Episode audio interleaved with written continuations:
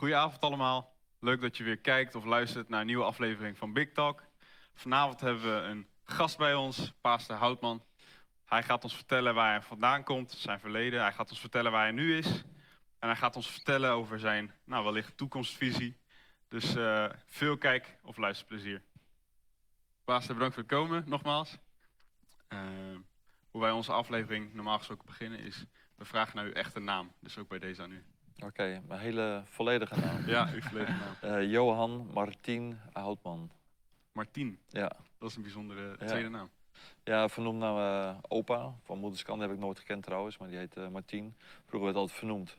Ja. En uh, Johan is vernoemd naar de moeder van mijn vader, mijn oma, die heet Johanna. Dus vandaar Johan Martien. Dus meestal is het alleen Johan, maar ik heb twee namen. Bij onze kinderen hebben we allemaal één naam. We konden geen tweede bedenken, maar uh, ik heb nog twee namen. Uh. Oké, okay, duidelijk. Kunt u ons uh, vertellen, u, u, vertelt al een beetje over uw achtergrond. Kunt u ons meenemen in uw achtergrond? waar bent u opgegroeid, geboren? Wat voor ouders had u? ik ben geboren op 8 juli 1959, dat is voor jullie geboorte, in Nijkerk op de Veluwe. Okay. Dus uh, daar ben ik geboren en uh, opgegroeid in de grote kerk daar, de Geef Bondskerk zoals het noemt.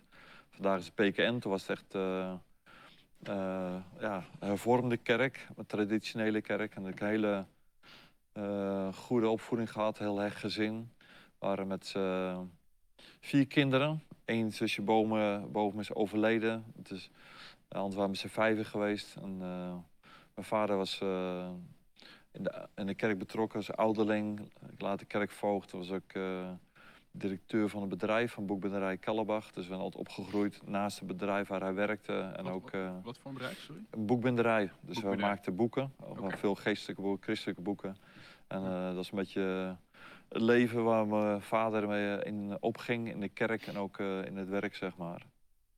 En ik heb twee broers, één zus oudste broer is uh, Aad, die is van uh, 1948, die is al 72, die is 11 jaar ouder. Een uh, zus, die is van 1950, die is 70 geworden. Jannie en dan Bram, die boven me zit, die is 6 jaar ouder, van 1953. Dus, ja. dus we kunnen zeggen dat u wel een na nakomertje bent? Ja, klopt, omdat er één zusje tussen zat, het overleden is. Ja. Dan inderdaad, een hele range van 11 jaar oud. Dus inderdaad ook opgroeide, was ik vrij snel alleen. Dus...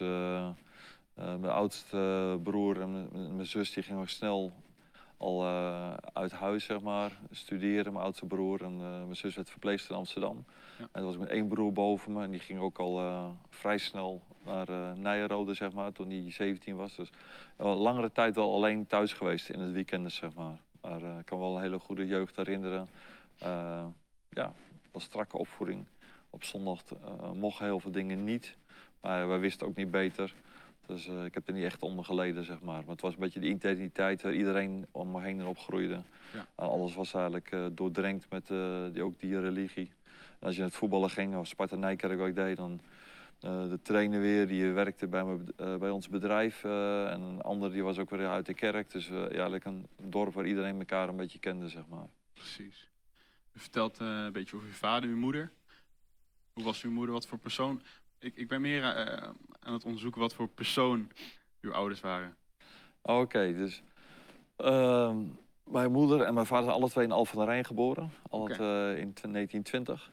En ze groeiden op, uh, waren ook alle twee serieus. Ze hebben elkaar op de lagere school al leren kennen. De lagere school is vroeger veel langer. En de, ze eigenlijk me daar al een keer leren kennen. En ze waren alle twee heel serieus met geloof. Dus als okay. een kenmerk dat ze daar altijd vanaf jongs van allemaal bezig waren. En uh, ik heb later begrepen, toen mijn moeder wat ouder werd, dat zij echt uh, verlangen had om ook te, te leren. Maar ze moesten van school thuis op de boerderij werken, dus ze heeft nooit echt kunnen leren. Dus zij komt van de boerderij. mijn, mijn vaders vader, mijn opa, was postbode. Dus ja, waren niet bijzondere mensen, maar mijn vader was een hele harde werker. Dus hij werkte bij het bedrijf Samson, Samson en Al van der Rijn. En in een boekbinderij ook. En uh, alle twee was heel erg serieus bezig met geloof. Dus dat, was eigenlijk, uh, dat draaide hun leven eigenlijk al heel snel om. Ja. Wat voor een normen en waarden hebt u van ze meegekregen? Nou, eigenlijk de waarden die wij in de kerk ook een beetje hebben. Dus samenwonen kan niet, trouwen is erg belangrijk, uh, niet liegen, hard werken, op tijd komen. Alle hele goede normen waarden in feite. Dus ik kan wel zeggen, discipline ik geleerd heb, heb ik heel veel van hun meegekregen. Uh, niet verwennen, al zouden mijn broers uh, waarschijnlijk anders zeggen. maar ze liet hier gewoon bijvoorbeeld op mijn vijftiende uh, ging wel vakantiewerk doen, ook bij het bedrijf van mijn vader. Moest ik zelf gaan bellen naar de bedrijfsleider en dan was ik best wel behoorlijk hard aan het werk. Dan was het 30 graden buiten en dan stond ik aan de krimpfoliemachine boeken te verpakken. Dat was soms 30 graden of, of hoger bij die machine.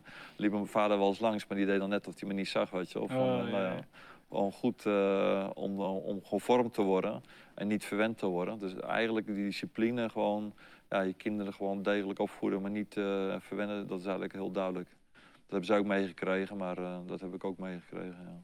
Goh. Ja. Duidelijk, dus dat is echt nou, hoe, hoe ouders waren. U zegt al bezig met God, met het geloof. U bent dus ook zo opgegroeid. U vertelt over uw normen en waarden. Kunt u ons vertellen hoe ja, uh, uw jonge tienerjaren. Nou, van kind naar, naar tienerjaren. Wat deed u? U had even over voetbal. Ik neem aan dat voetballen een hobby was. Ja, dat was geen, was geen prof. Dus ik heb twee jaar gevoetbald. En later heb ik veel te getafeltennis. Tafeltenniscompetitie vanaf mijn veertiende tot uh, mijn studententijd heb ik heel intensief gedaan. Ja. Redelijk hoog niveau. Uh, Had ik niet achter gezocht. Hè? Nee, hè? nee. Ik speelde eerste klasse, wat het uh, toen zei. En uh, was ik elke zaterdag, elke maandag, donderdag mee bezig in Nijkerk, bij Rega in Nijkerk. Dus daar was ik heel veel tijd mee kwijt. Ja. Ging mijn vrienden Vuls Boyat op vrijdag ging ik ook wel naar de kroeg. Of gewoon café eigenlijk, niet echt gewoon een café. En op zondag gingen we naar de kerk, zeg maar. Maar we kenden de jongens van de lagere school. Er ging veel, veel buiten spelen, bomen klimmen. Lagere school, we kenden elkaar allemaal. Elkaar. Sommigen hadden boerderij, gingen daar in het uh, weiland voetballen. Een beetje kattenkwaad uh, uithalen, over, over sloten springen. En uh, dingen doen die je ook niet zou moeten doen, zoals iedere jongere. Dus in feite, ja, zeg maar, normale jeugd. In, die zin dat we heel veel buiten waren. En dat kon vroeger, dus heel veel buiten. Wat vond u destijds van de kerk, waar u naartoe ging? Nou, wat ik net zei, je wist niet beter. Het was een beschermde omgeving. Wij waren hervormd. Dan had je dan een aantal katholieken in Nijkerk, niet te veel. En je had ook een aantal gereformeerden. En dan kwam eigenlijk wel duidelijk naar voren. Nou, de hervormden waren dan degene die echt goed waren. De gereformeerden waren wat minder goed. En de katholieken waren niet goed. En dan dacht ik wel eens als kind van... Uh, nou, ook toevallig dat ik net een hervormd gezin geboren word. dan bof je maar. Maar later ga ik wel eens over nadenken van... Uh, ja, maar ik ging vrijdag eens... Uh, Boyet vanaf mijn 17e, 18e, na mijn studententijd een weekend thuis. En dan uh, denk ik, ja, ik doe niet zoveel anders als mijn studentenvrienden. En in de kerk, de mensen omheen zitten ook hier. Wat eigenlijk echt het verschil? En dan hoorde je wel uh, over bekering, maar ja, het, het, was niet echt dat ik nou snapte wat het nou precies was. Wel dat ik langzamerhand steeds benauwder werd over hemel en hel. Dus dat ik heel duidelijk wist van er is een hemel, er is een hel. En ik voel, vroeg me ook af van waarom zou ik nou naar de hemel gaan? Want uh, ik ben niet echt zoveel anders dan de mensen om me heen. Dus ik begon me wel bezig te houden en begon antwoorden wel te zoeken. Ik kan me herinneren toen uh, 12, 13 was, was er bij de zonderschool, de dominee ik zonderschool. En uh, die gaf me aan het eind van het jaar kregen we zo'n kinderbijbel iedereen. Dus ik denk dat ik 12 was, eind van de lagere school. Hij pakte die uh, beet en gaf hem aan mij. Die hield hij hem vast. En de hele zaal vol met ouders. Al die kinderen kregen zo'n kinderbijbel. Want toen vroeg hij van, uh, ga je erin lezen? Dus ik kwam eigenlijk pakken, maar ja, dan moet je een antwoord geven. Toen zei ik, ja, ik ga erin lezen. Dus oké, de hele zaal heeft je gehoord, zei die dominee. Dat was oh onze buurman trouwens. dus uh, ik ging naar huis met, met zo'n kinderbijbel, maar ja, dat spookte door mijn hoofd. Dus ik had echt het idee, ja, ik moet dat gaan lezen. En dat heb ik uh, s'avonds vaak in bed uh, gedaan. Weet je wel. Ik was geen brave persoon in alles, maar dat heb ik wel gedaan. En ik erg het idee dat God daar zag dat ik echt waarheid wilde en niet in leugen wilde leven. En dat, uh, daar is een beetje begonnen zeg maar, met de zoektocht ging net al een beetje in op uw tien jaar, heel voorzichtig. Kunt u ons daarin meenemen? Uh, wat deed u voor school? Wat ging u, u ziet eruit alsof u goed kan leren. wat, wat ging u studeren en uh, vertel ons over uw studententijd. Uh, Oké, nou, ik, ik zat op school in Amersfoort en voor elke lezen. Ik vind de middelbare school ook de meest vreselijke tijd van mijn leven. ja, daar vind ik gewoon helemaal niks aan. Dat schoolse, je moest van alles. Ik kan het toch niet zo goed tegen, blijkbaar. Dus uh, lagere school vond ik geweldig, middelbare school vond ik echt niks. Maar ja, dus ik wilde eigenlijk vergeten wanneer je erover vraagt. ik was veel bezig met sporten, leuke dingen te doen. Ik deed VWO, ja, dat heb ik allemaal, op zich allemaal vrij makkelijk gehaald. En uh, mijn broers studeerden bedrijfseconomie en bedrijfskunde. Uh, mijn oudste broer studeerde in Rotterdam. En ik had het idee, ook vanwege het bedrijf van mijn vader, van nou, ik moet die kant op. Dus uh, ik kon aardig goed rekenen. En toen ging ik bedrijfseconomie studeren in Rotterdam op de Erasmus. Ja. In 1977. Ja, dat vond ik uh, misschien wel de leukste tijd van mijn leven, studententijd. Dus, uh, Waarom? Nou, die, de vrijheid. Dus het heeft ook weer grenzen, uiteraard. Maar het idee uh, dat je je eigen keuze kan maken, verantwoordelijk bent voor je eigen leven. En dat je dingen kan onderzoeken en dingen uitvinden. En ja, dat vond ik ook heel mooi. Dus, uh, ja. Ging u dan ook daar wonen of hoe moet ik dat zien? Bleef u wel op... Uh... Ja, ik heb studentenflat zeven jaar gewoond. Rotterdam? Ja. ja, okay. ja. Dus ik kwam alleen het weekend thuis. Wel elk weekend. Vrijdag ging ik naar huis en, en maandagmorgen ging ik weer heen. Maar ik heb zo'n beetje zeven, zeven half jaar in Rotterdam in Kralingen gewoond, studentenflat. Dus, ja, U hebt ook zeven jaar gestudeerd daar? Ja, zeven en half. Ja, ja. Vroeger was uh, zes jaar het, het, het, minimale, gemiddeld tot zeven en half. En je kon er ook wel langer over doen.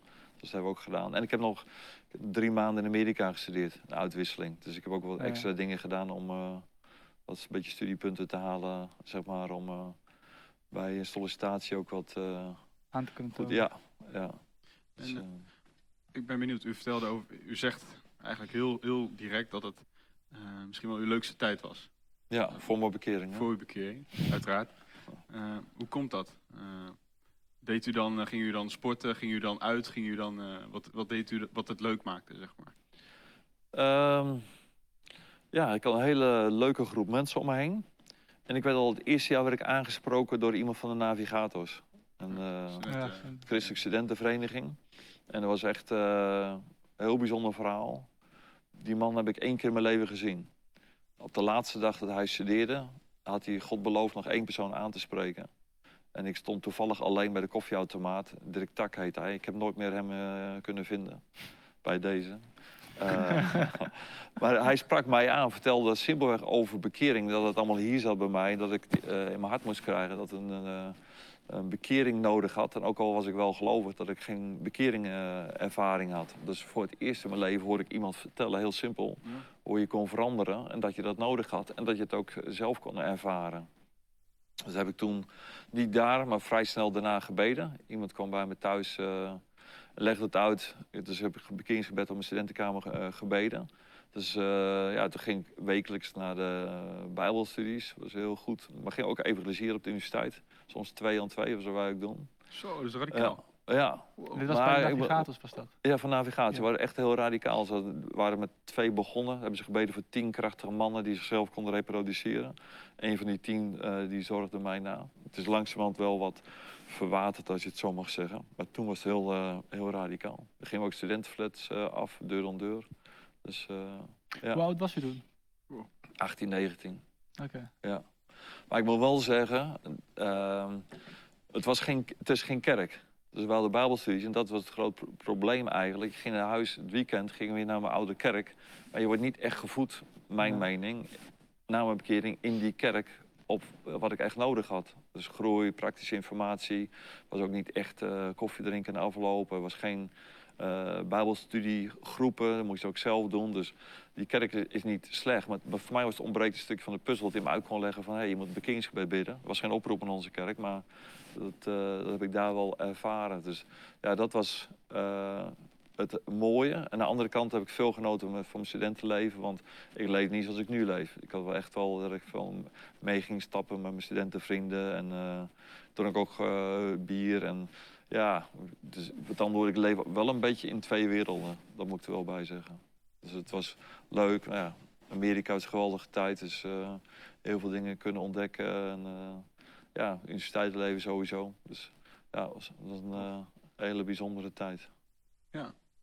U bent uiteindelijk, bent u afgestudeerd? Heeft u... Ja, ook nog. Ja, dus dokter Anders. ja. Doe het anders, diploma behaald. Ja. Oké. Oké. Daarna, wat, wat ging u daarna doen? Aan het werk, neem ik aan? Ja, ik heb het zo lang mogelijk uitgesteld, op plezier gehad.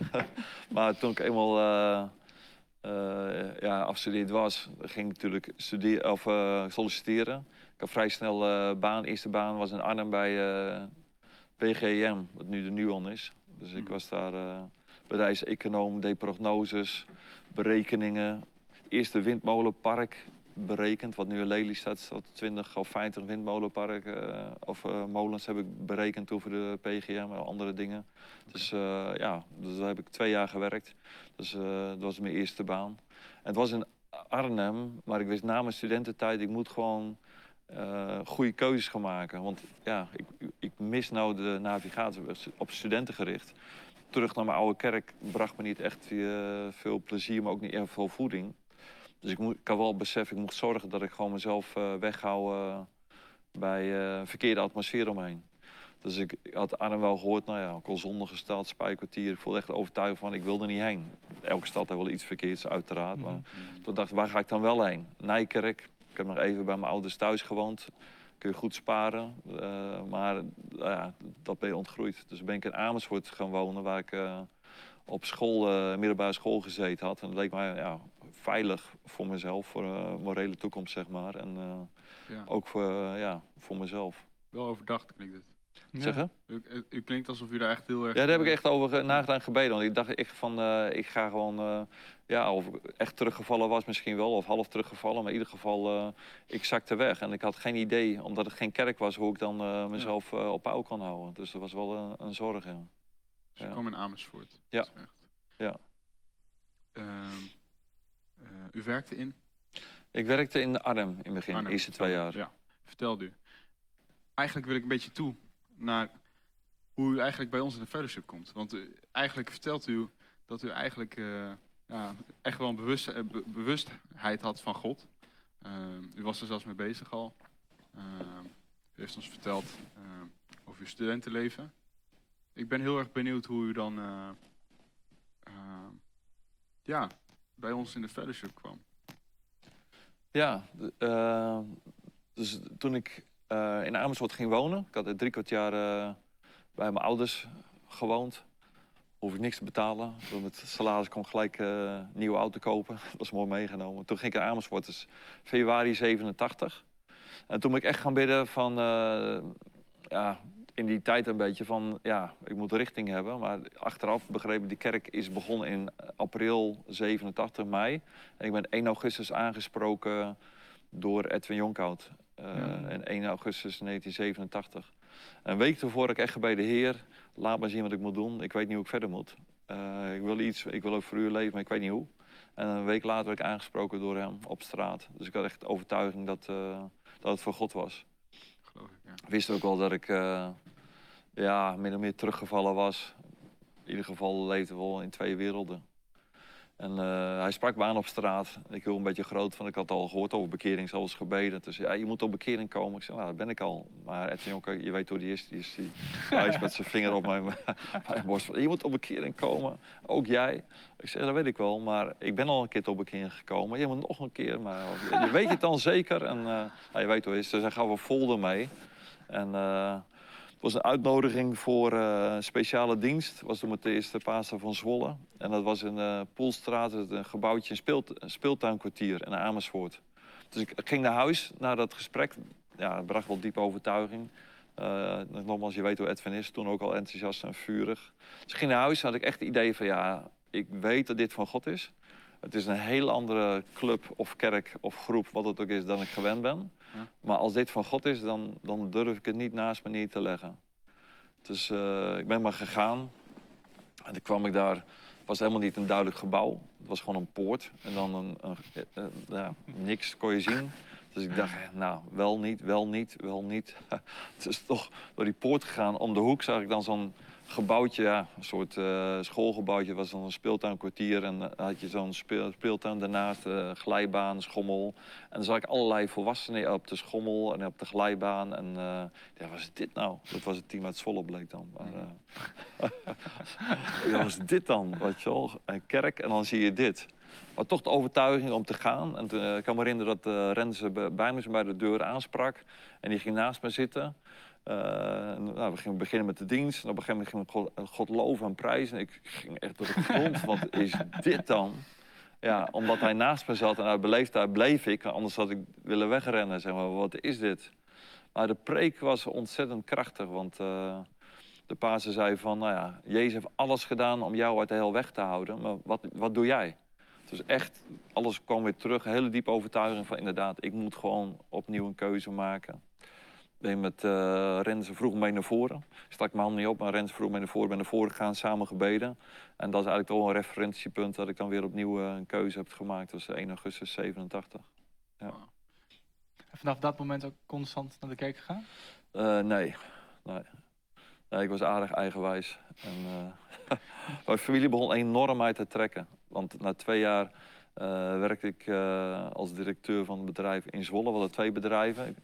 Hadden ze me net gevraagd om directeur te worden van het bedrijf in Zwolle. Mijn twee broers werkten in Nijkerk. Ja, het paste natuurlijk ook niet bij de achtergrond die ik had. Mijn familie en mijn vader leefden nog. Die, die, ja, die kon er ook niet veel mee. Dus ja, die vond het heel moeilijk. Dus toen wij kwamen, toen ik kwam, waren er uh, één of twee mensen in de kerk. In uh, Amersfoort, ook heel weinig. Mm. Ik voelde wel echt dat het van God was. Maar ik ben toen van oktober, november 87 tot februari 88, drie, vier maanden ben ik teruggegaan naar mijn oude kerk. Er was zoveel aanval van mijn familie en zoveel uh, verwarring in mijn gedachten. En ook wel ja, bang om de prijs te betalen. Want dan denk ik, nou, dat ligt er echt uit. Hè? Ook wel uit alles wat je ja. kent en weet, daar uh, lig je uit. Dus vond ik ontzettend moeilijk. Dus ik ben daar drie maanden terug geweest en heeft de, de paas van Amersfoort, die stuurde me toen een brief van beste Johan. Uh, niet iedereen die Heer Heren zegt, zal het Koninkrijk oh, ja, van God beërven. En het was een algemene brief voor alle mensen die een tijd niet meer kwamen. Maar God heeft me echt verblind. Want ik las die brief en ik dacht, nou, beste Johan, nou, het is voor mij. Het is voor mij, weet je wel. Ik had het gewoon kunnen lezen, want alleen mijn naam was geschreven. De rest was gewoon getypt. Maar uh, ik had echt de overtuiging, nee, dat is voor mij, dat is voor mij. Dus ik, ik kreeg... Uh, sinds ik uit de kerk terugging naar mijn oude kerk, had ik elke morgen hoofdpijn. Ik wist gewoon, ik leef gewoon niet goed. Ik moet gewoon terug naar de deur, maar ik wilde gewoon niet. Maar ik wist gewoon, ik moet gewoon keuze maken. Toen die brief kwam, toen wist ik gewoon, ja, dat, uh, ik moet gewoon teruggaan. Dus toen ben ik uh, februari uh, 88 teruggegaan.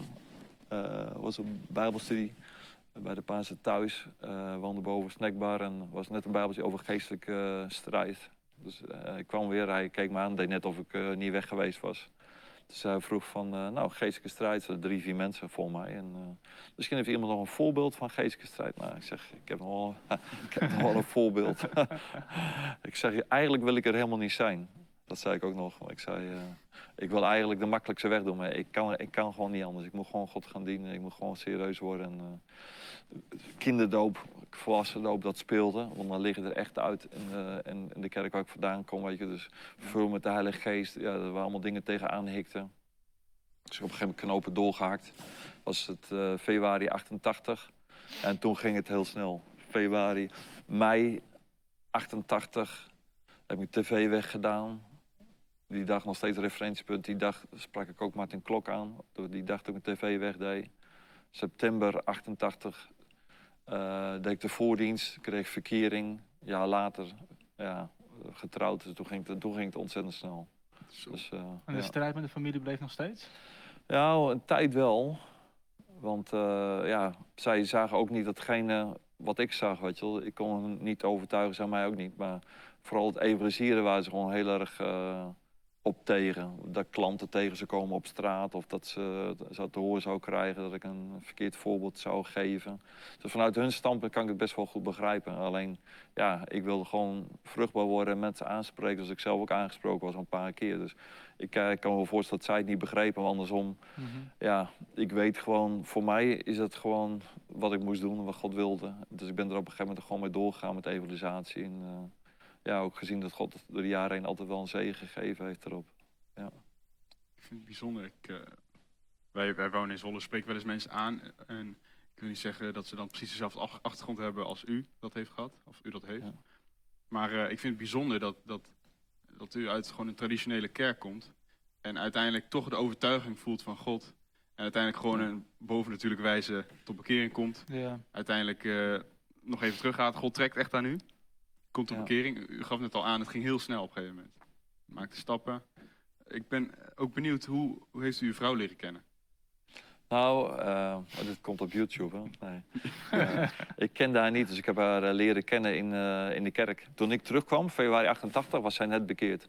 Ook zij had gebeden van God als u bestaat, breng er iemand op mijn pad. En werd ze aangesproken door Zwaan van Vliet en door Dita, geloof ik. Dus ze ging februari 8 naar de conferentie. Nou, die was, Margreet was gelijk enthousiast. Die heeft nooit echt een terugslag, ging altijd zo. Dus ik kwam net terug, dus ik moest er even bijkomen. Dus ik was niet zo enthousiast, ik was niet gelijk thuis. Dus ik was ook een beetje de enige die haar uh, niet zo uh, begroette. Ze was net nieuw in de kerk en ik kwam net terug. Dus ik deed een beetje ook er nog niet bij hoorde, zeg maar. Dat had ze wel door.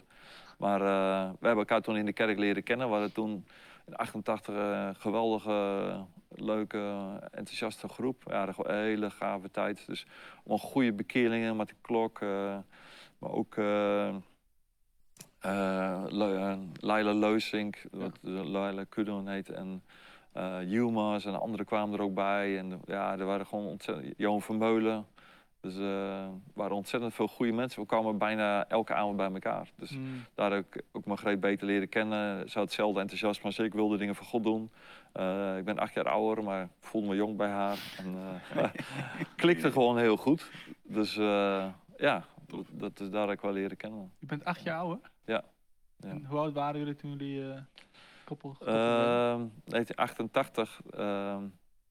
Zij was net 20, dus ik ben 28. Oh ja. ja. Kijk. Nou, lieg ik, lieg ik nou? Nee, 29 denk ik. Ja. ja. Dus uh, u, u, u, trouwde. Uh, uiteindelijk, u zegt al, we raakten betrokken in de kerk. Of, uh, en eigenlijk, u, u, u, gooide het net heel snel even tussendoor, maar u was directeur van een bedrijf. Die kwam even uit het niets vallen, zeg maar. Um, toen u tot bekering kwam, dat ging door. Uiteindelijk... Ja. Ja, in, in 1988 heeft mijn vader mij gevraagd om een bedrijf, uh, boekbinderij De Haan, James Wattstraat hier in Zwolle, te leiden, samen met een collega. We hadden zo'n 30 mensen voor ons werken. We maakten paperbacks, boeken als Baantje de Kok, weet je wel, dat soort boeken. Veel boeken, christelijke boeken. Dus vanaf 88 tot 2002 heb ik dat gedaan. Dus ik heb het altijd naast het pionieren gedaan, naast het pastoren. Ja. Dus pas in 2002, nou, wel iets in rond die tijd werd ik uh, fulltime, zeg maar. Dus ik heb wel 14 jaar uh, was ik directeur naast de andere dingen die ik deed voor de kerk. Dus ja. ja. U maakte, net, u maakte zelf al even het bruggetje naar pionieren. Nou is het zo dat in deze fellowship is het wel duidelijk wanneer je de visie grijpt, uh, dan, uh, ja, dan uh, word je gauw uitgestuurd. Of dan zie je, uitgestuurd worden. Ja, mensen krijgen het verlangen om uitgestuurd te worden. U, u dus blijkbaar ook met uw vrouw. Waar ging u naartoe? We gingen in 91 naar Deventer.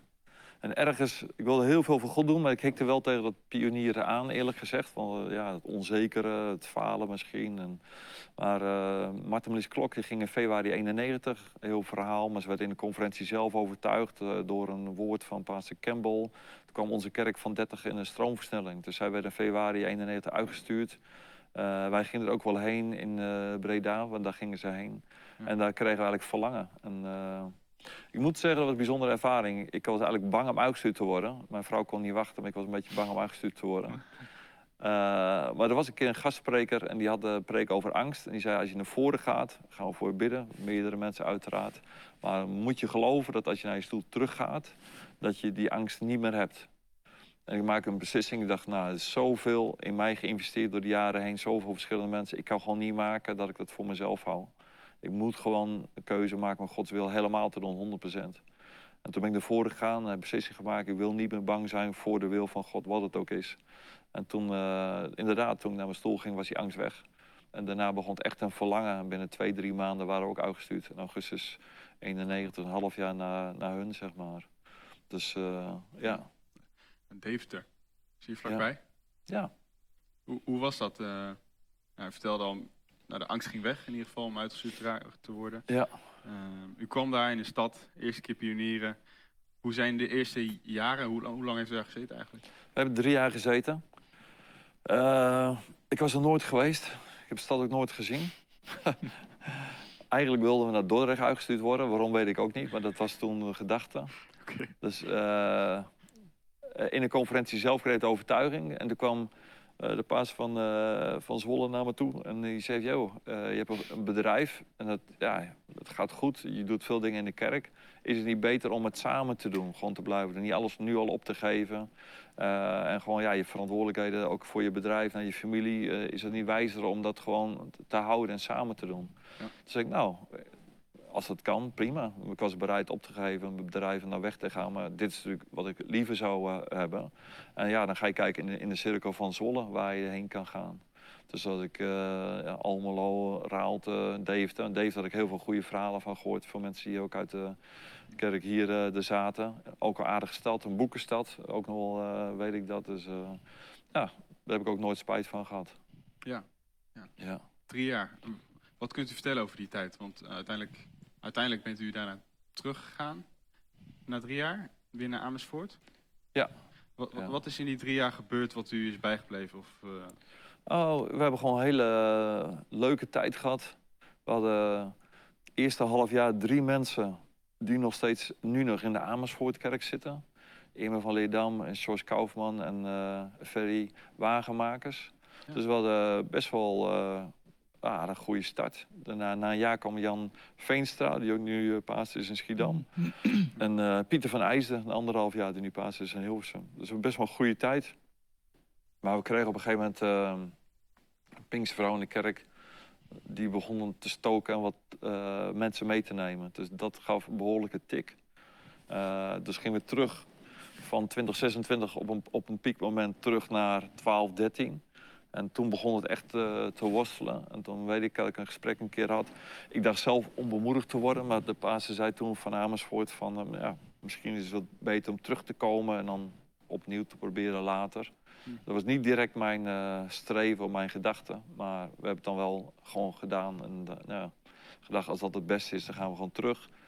In die tijd kwam ook Peter Major terug en kwamen anderen ook wel terug. En was het meer ook een soort strategie dat je niet te lang ergens bleef zitten.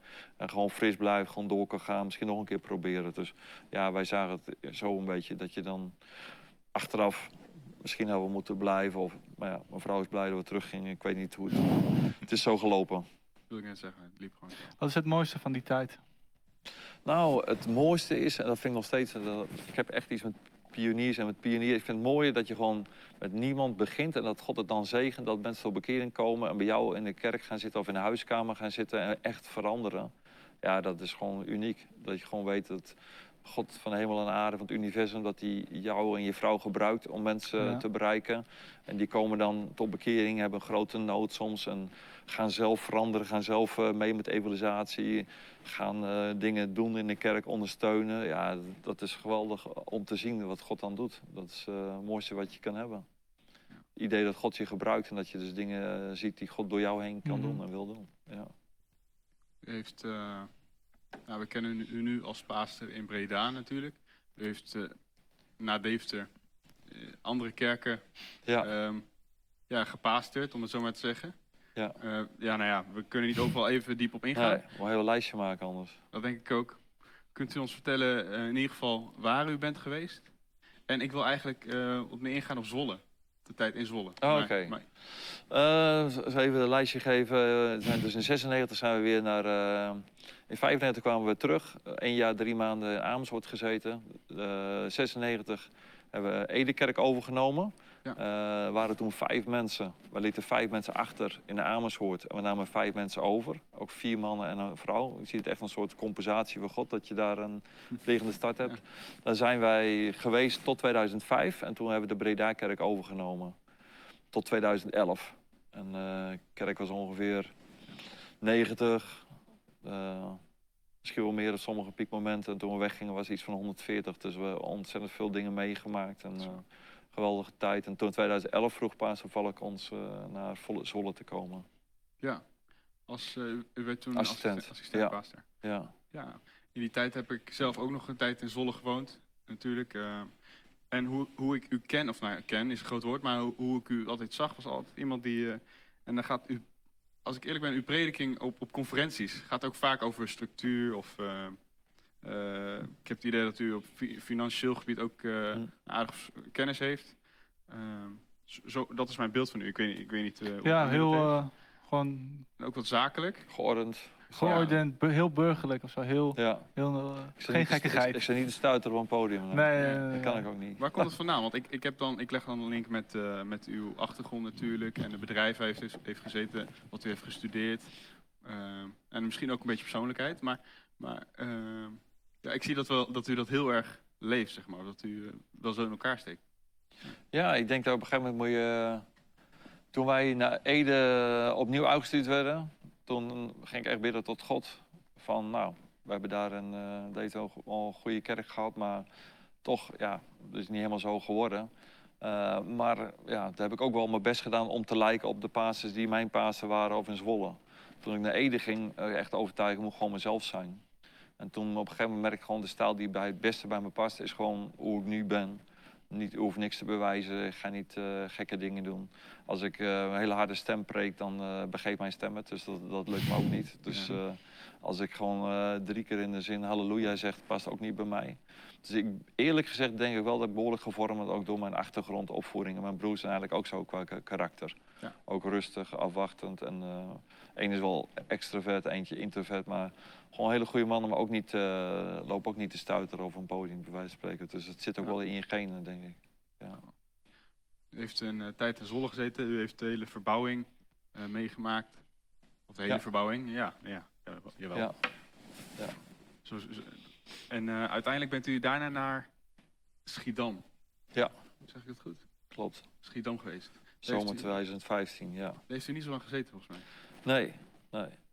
Omdat er een nood was in Breda. En pastor Anton uh, ziek uh, was, en echt ziek was, dus ook uh, ja, niet meer beter zou worden. Was op een gegeven moment echt een nood in Breda. Een langere tijd was hij ziek. Dus ja, de kerk is daar groot, veel noden. Ja. Een langere tijd dat pastor Anton niet in staat was om alles te doen wat hij zou willen doen als pastor ook. Dus het was gewoon een nood. Dus je zag op een gegeven moment wel een bepaalde kant uitgaan. En toen de paas van Zwolle mij gebeld om te vragen... ook omdat ik de kerk kende voor hem... De, dat ik of de kerk weer bij over wilde nemen. Dus ja, wij zaten... In, in, in uh, Schiedam ging het goed. Het was ook een leuke tijd, ook daar bezig met het gebouw, aan het zoeken. Maar ja, dat ja, was gewoon een hele moeilijke keuze. Ik geloof echt dat het toch uiteindelijk wel van God was dat we naar Breda gingen om uh, kerk weer over te nemen. Ja. Ja. Wanneer was dit? 2015 gingen we naar Schiedam en uh, eh, 10 april 2017 kwamen we in uh, Breda. Ik ben van de cijfers, dat merk je wel. Ja, echt, dat valt me elk jaar uit Ik wilde niet zeggen, maar dat, dat valt mij op. Ik dat weet niet wanneer ik jarig ben. Ja, bedrijfseconoom. ja. Cijfers. Nou. Waar ik nog naar benieuwd ben, een best wel een losse vraag wat niet zoveel met dit te maken heeft. Ja. Uh, hebt u wel eens echt, echt een wonder van God meegemaakt? U vertelde dat toen u wegging uit de kerk, uh, dat u heel erg hoofdpijn kreeg. Dingen zoals dat. Daar ben ik wel heel erg benieuwd naar. Dat u echt ervaringen met God hebt gehad. Dat ik zelf bad voor iemand anders bedoel je? Ja, of dat, dat u misschien bad voor uzelf, of, of, misschien een visioen, of misschien echt een gebed wat echt door God beantwoord werd. Nou, ik, ik kan me herinneren dat de eerste echte buitenlandse reis ging naar Zuid-Afrika. Toen we bij een kerk van uh, Parel, uh, een, een strand, daar op de koker. En dat ik nooit echt gebeden voor de zieken. En toen uh, ben ik uitgestapt in geloof. En toen ging er echt mensen benen uitgroeien. En er kwam ook een, een vrouw naar voren die heel slecht kon zien. En die, die, waar ook geen oplossing was voor de dokter. En ik zag al een paar benen uitgroeien, wat ik nog nooit had meegemaakt.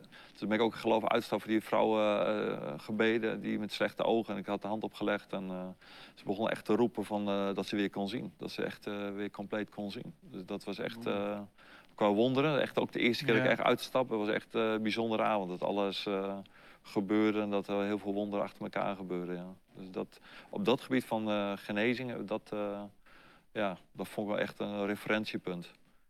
En ja, voor wonderen, ja, we hebben vroeger in Breda gebeden dat er echt tien nieuwe discipelen bij zouden komen. Nou, dat gebeurde na, na een tijd. ook een gebouw, ik was eigenlijk in de laatste conferentie nog, dat hij op zoek was naar een gebouw. Echt de Heilige Geest die zei van, stap in de auto in Ede, van nou, ga die kant op, rechts, links, die kant op, daarheen zo. En ik was er net in de stad en echt tot, tot het punt van de school, de KVJ-school, waar we later dus ook verder uh, doorbraak kregen. Ik ken die hele school niet, maar de Heilige Geest leidde me daar zo heen. En stond ik daar parkeerterrein tegenover. Toen dacht ik, nou ja, dit moet wel van God zijn. Dus ik ben toen naar binnen gestapt en dan kwam de conciërge, bleek later ook een christen te zijn. En ik vroeg gewoon van, nou, is deze school te huur voor uh, kerkdiensten? Hij zei, nou, toevallig zit net het bestuur van de school boven. Dat is anders, anders nooit, die was er net. Ja. En uh, ik zou wel vragen, nou, die man zat in vergadering, maar ik kon terugbellen. En daarna hebben we die school gekregen en hebben we gewoon lang gezeten. Ik geloof vijf jaar of zo, echt uh, behoorlijke doorbraak. Uh, aan Terpstraat is er ook uh, daar op bekend gekomen. Zijn broer Benjamin. En ja, dat qua letterlijk leiding van de Heilige Geest is dat wel het meest... Hoe gaat zoiets dan? Je zit in de auto en dan... Ja, ik ging bidden voordat ik in de auto stapte. Ja, ik kreeg echt een overtuiging van God. Van stop met bidden en stap in de auto.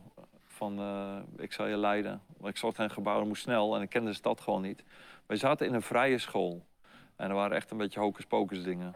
En wildvreemde mensen begonnen mij op te bellen uit de stad Ede van... hey, jullie zijn evangelische kerken en jullie zitten in zo'n uh, vrije school met al die beelden. Dat klopt toch niet? En we hadden ook geen groei, er gebeurde niet veel.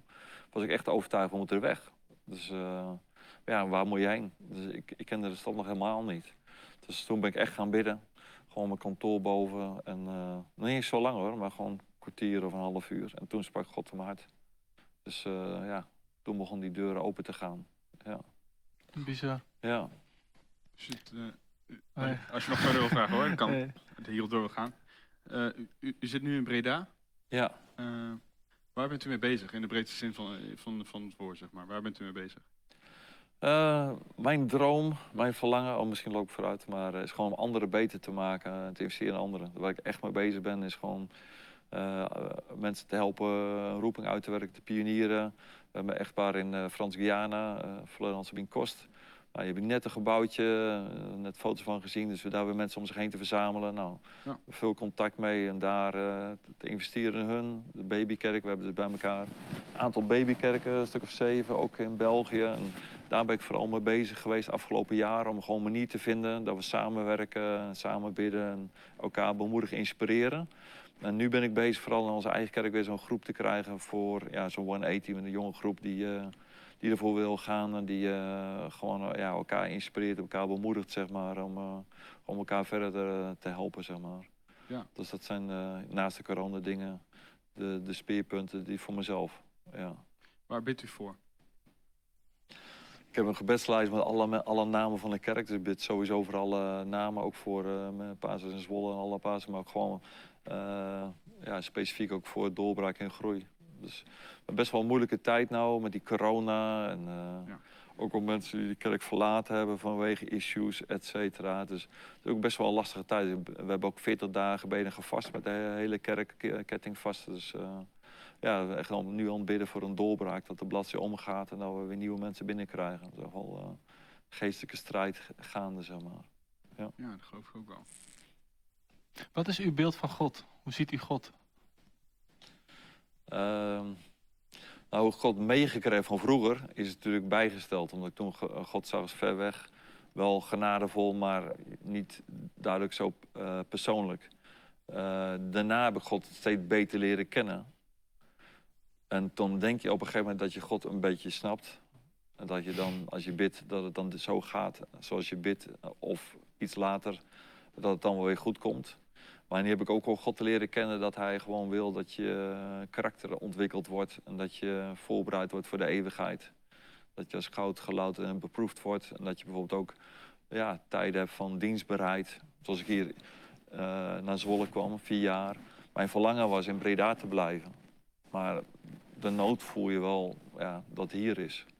Dus ja, dan neem ik toch een beslissing van God, wat u wil is, ja, daar ga ik heen na vier jaar een beetje je taak erop. En dan ja, je afhankelijk van wat er dan is. Dat is een Schiedam, dan ga je daarheen. Maar dan zie je ook wel dat God jou wil vormen, de kerk wil vormen. Maar nu zie ik ook veel meer dat God je ook uh, voorbereidt en dat het lang niet altijd ABC maar is. Zoals ik vroeger dacht, als je dat bidt, gebeurt dat. Als ik zo doe, gaat God dat doen. Uh, dat is weg. Maar God is veel groter als je denkt. En dat zie ik ook nog steeds. God is nog steeds goed. Ik merk ook dat hij alles onder controle heeft. Maar hij durft ook wel.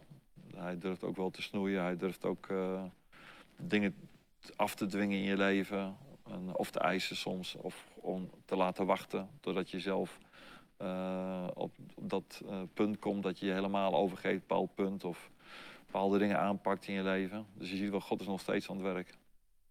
Goh. Ja. ja, mooi. Heeft u, uh, dat vragen de paas altijd, heeft u misschien een, een, levensmotto, vraag ik altijd, of een, of een lijfspreuk waar, u naar leeft, zeg maar? het psalm die mijn leven veranderd heeft, psalm 37. Dat was verlustig in de Heer en dan zal u geven de wensen van je hart. Dus dat ben ik echt gaan bestuderen. Toen ben ik echt gaan zien. was na mijn bekering dat ik echt mijn relatie met God niet gewoon religieus, maar echt moest verdiepen. En ook plezier moest hebben in de, in de relatie met God. En ja, dat heeft ook toegeleid dat ik uh, getrouwd uh, ben. En de wens van je hart, wat je wel, een vrouw die erbij past, et cetera. En, en, gewoon praktisch gezien heb ik vaak dingen van uh, afmaken waar je begonnen bent. Uh, dat soort dingen. En niet zeuren, maar doorgaan. En het komt wel goed. ja, ja. ja, Heeft u, want dat, dat is het allerlaatste wat ik wil vragen eigenlijk. wij als discipelen in Zwolle. heeft u misschien bemoediging voor ons? Of, of, of voor, ook voor de kijker, kijker en luisteraar natuurlijk? wat u ons nog wil meegeven, voordat we afsluiten? Nou, ik zie en ik ervaar en ik weet dat God ontzettend genadevol is. En dat hij heel graag ons leven wil gebruiken. En dat hij heel veel geduld met ons heeft.